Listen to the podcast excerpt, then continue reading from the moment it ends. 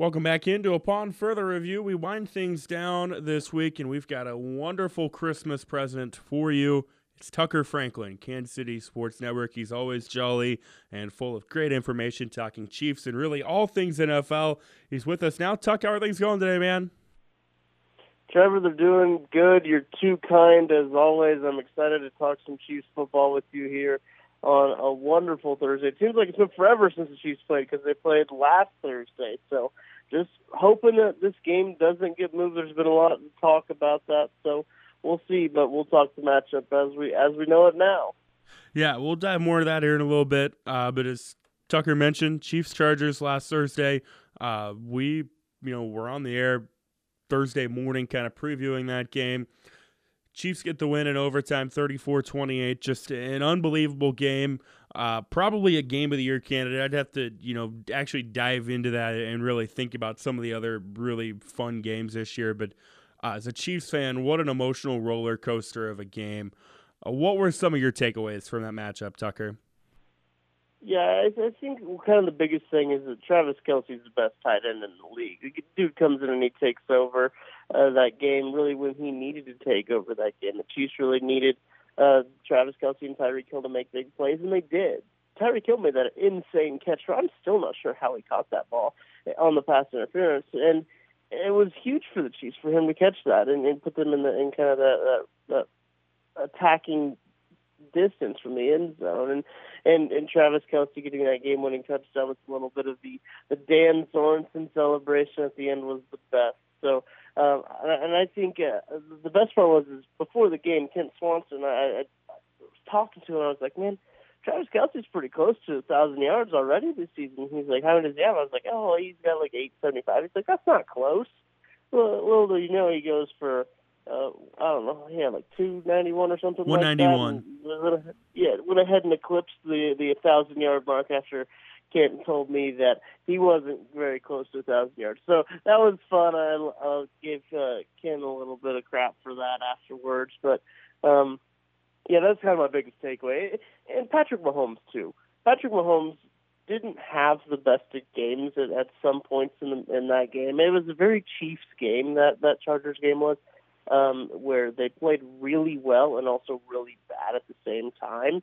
Uh, but but I think that that's just that, that was just great to see the Chiefs come back, win that game, and could be a mark of a championship team. You know that game reminded me of Tucker, uh, the Super Bowl a couple of years ago. Uh, one, there was a Bosa on both sides, I guess. Uh, now that I think about it, but you know, Patrick Mahomes didn't play his best game. Kind of like you said, he showed flashes of brilliance throughout the game uh, but just never really got comfortable. Uh, they missed opportunities, but when the chips were down, the game was on the line, the lights were the brightest. He was surgeon like. Uh, when the Chargers scored, made it 28 21.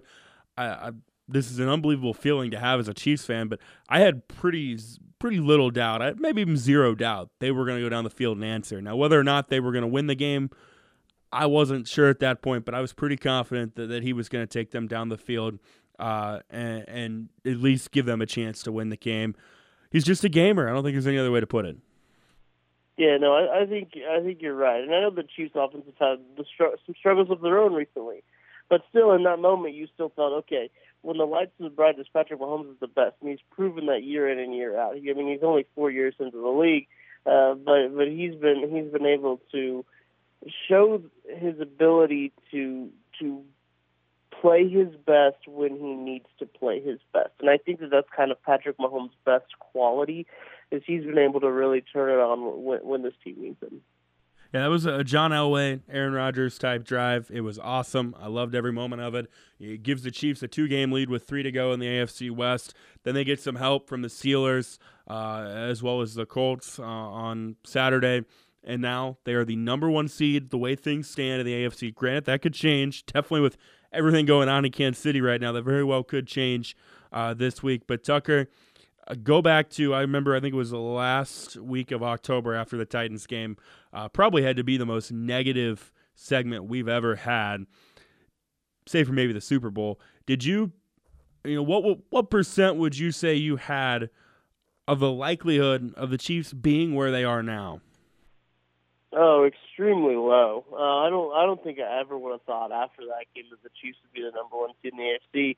But but here's the thing: is that teams in the AFC don't seem like they want to be the number one seed. It seems like the Chiefs are the only team that wants to be the number one seed in the AFC right now because it as as games were happening on Sunday and and Saturday and Monday, they just kept falling into place for the Chiefs. I was I was just flabbergasted by oh my goodness this is really just going to fall into place, and the Chiefs are just going to kind of fall their way into that one seed. And I just find that to be to be so crazy about how you know, Trevor. We've talked about so many times about how crazy this year's been. The parity, all these teams, and now you have like COVID outbreaks to add to it. Uh, so, so this year's just been unparalleled. There's, I don't think there ever will be a year like this year, um, and it's crazy to see the Chiefs uh, kind of prevail through all that through their uh, early kind of turmoil. And I, I know we talked about this on one episode, but it, it, it's the coaching, and I think that's kind of the biggest thing too. Is you look at the the two best teams in the AFC, it's Bill Belichick's Patriots and Andy Reid's Kansas City Chiefs. Those are two of the best coaches in the NFL right now, and and they are at the top of the of the of the conference when all these other teams are kind of flailing. You know, you had you had the Titans lose their best player, Derrick Henry. He's out, been out for a while. They're kind of falling down. You've got the, the Buffalo Bills. They're kind of flailing, trying to trying to win games. So I just I just take that away from from Andy Reid really being able to right the ship here is, is huge because well they start two and four.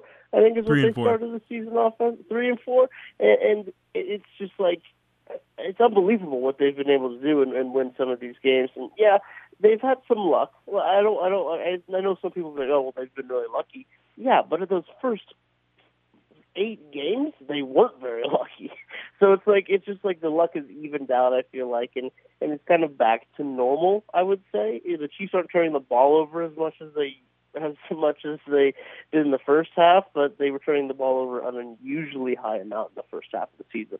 So, uh, so I think that that's just all uh, really interesting to take into account of like the ebbs and flows of the season and where the Chiefs are now. They're hitting their stride at the right time, and and hopefully they can continue that. This kind of, uh, and I don't really know this is a great comparison, but in my mind, uh, you know, I keep thinking back to kind of those you know, like the 2014 Patriots, the 2015 Patriots, the 2016 Patriots, where you know they would start like two and three, they'd have a bad loss to somebody, you know, there there would be some kind of negativity around them, and oh, you know, is the NFL finally got them figured out? Are they done? And then guess who would end up being the one seed in the AFC or the two seed? And you know, in the AFC Championship game, it was New England. Now, granted, we still got to see how this shakes out. There's a very good chance that they could fall flat on their face. But right now, uh, they're they're the favorite to win the Super Bowl, uh, which is crazy to think about. Definitely did not see that after Week Seven when they lost to the Titans. Not only lost, but got clowned. Get time with Tucker Franklin, Kansas City Sports Network. Tucker, the Chiefs were without a handful of, of dudes last week uh, because of COVID and other things. Those included Willie Gay, Chris Jones, who were both in COVID protocols, and then L'Jarius Sneed was out now uh, there's been a little bit of an outbreak w- within the Chiefs organization. Travis Kelce, Tyreek Hill, Charvarius Ward, they're all in COVID protocols now. It's pretty clear Harrison Butker is not going to play. Uh, Nick Bolton, I believe, is in COVID protocols as well. This isn't good, is it, man? It's the, the good thing. I think the only saving grace that the Chiefs might have in this is – they get to really be the guinea pig of this of the new, the new league protocol, where if a vaccinated player is asymptomatic, he can test out of the uh, COVID list, the COVID reserve, with only one negative COVID test. But the big caveat is you have to be asymptomatic, and I know that the, the testing is has kind of changed since the since the outbreak. If there are multiple cases in a facility, they can change. The NFL can go in and, and test more in, in that facility. Uh, but but before the season started, the the COVID protocol just said is if you were a vaccinated player and were showing symptoms, you needed to get tested. So um, a, a lot of these guys who who were getting tested, maybe not after you know Travis Kelce or the first wave of, of players that got put on the list, were were showing symptoms. So your your Josh Gordon, your Chris Jones, or in I guess L'Jarius Sneed wasn't uh, COVID. He was just uh, dealing with his uh, personal issues. But um, I think that the, I think that that's kind of an interesting thing to, to mention is that these players need to be asymptomatic. Chris Jones uh, is coming out of that 10 day window. I don't know if he um, has tested negative yet. I don't believe he was on the practice field from Herbie Teope from the Kansas City Star. I think uh, they saw Willie Gay out there, and, and, and I think Josh Gordon should be back. He was activated as well, but they also added Mike Remmers to the to that list. That the list keeps growing, and so I think that there are some possibilities for Tyreek Hill, for Travis Kelce, for these for these vaccinated players to come off of the list if they're asymptomatic and test negative in the same day. That's possible. Um, they can be activated before.